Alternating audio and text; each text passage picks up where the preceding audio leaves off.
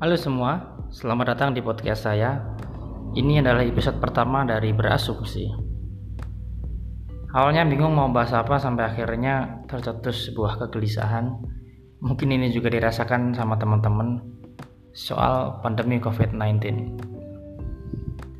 Saya akan sedikit cerita dan mereview beberapa hal mengenai siasat kita menghadapi uh, masa pandemi beberapa hari terakhir saya banyak berinteraksi dengan teman-teman seniman dan juga uh, teman-teman kreatif baik itu via online maupun langsung.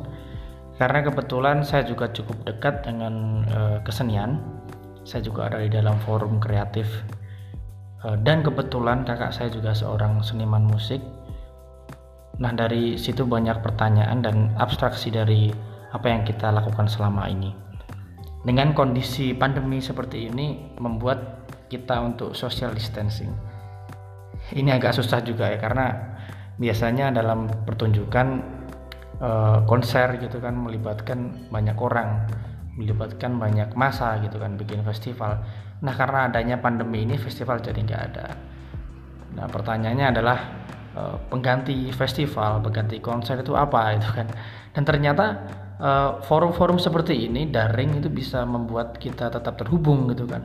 Tetap bisa silaturahmi dengan teman-teman uh, dan juga uh, perubahan perilaku uh, sikap mental dari manual ke digital. Ini kalau selama ini kita fahami uh, dengan revolusi 4.0 sebagai migrasi dari manual ke digital tapi pandemi ini justru mempercepat itu gitu dan uh, adanya algoritma yang berubah, logika juga berubah. Kita mengalami dan melihat semua orang uh, baik itu seniman dan juga teman-teman kreatif bisa memonetis hasil karyanya. Seperti beberapa waktu yang lalu uh, Kemenparekraf membuat sebuah program untuk teman-teman seniman dan teman-teman kreatif untuk bisa berkarya secara online dan beberapa juga sudah menggelar konser daring, streaming IG maupun YouTube. Dan saya pikir ini sebuah tantangan dengan kondisi seperti ini uh, estetika itu menjadi seperti apa dan kita untuk uh, bisa memacu berinovasi. Nah, ini membuat semua seniman dipaksa untuk segera merespon keadaan. Karena kita tahu semua orang bisa bikin konten, Eh, kita harus ada strategi konten seperti apa yang bisa menjadi jangka panjang. Ada perubahan logika bukan hanya dari uh, seniman tapi juga sponsorship karena kalau uh, basisnya pada viewer nantinya tidak akan berjalan dengan baik gitu. Dan uh, juga mengenai uh, the new normal atau normal baru saya pikir secara psikologis ada dampaknya dari yang sebelumnya habit kita biasanya nongkrong-nongkrong, ngopi-ngopi. Nah sekarang jadi nggak bisa.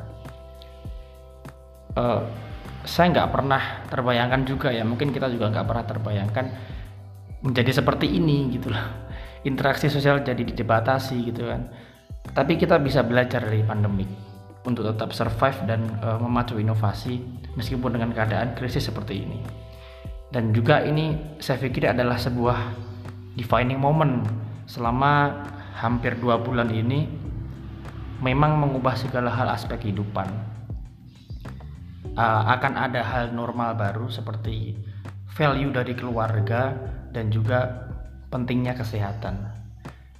Dengan siswa belajar di rumah saya rasa ini bisa dipantau uh, lebih ketat oleh orang tua. Dan saya rasa ini ideal gitu loh trilogi pendidikan ideal seperti itu memangnya uh, guru, siswa dan juga orang tua ini.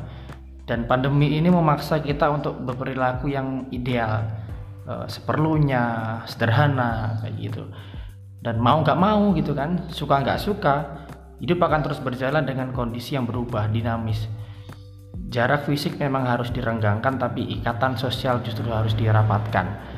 Semoga teman-teman tetap dalam kondisi baik uh, saya juga tetap juga jaga kewarasan berpikir uh, dan sedikit terima kasih. Semoga ada hal baik yang bisa dipetik dari podcast pertama ini.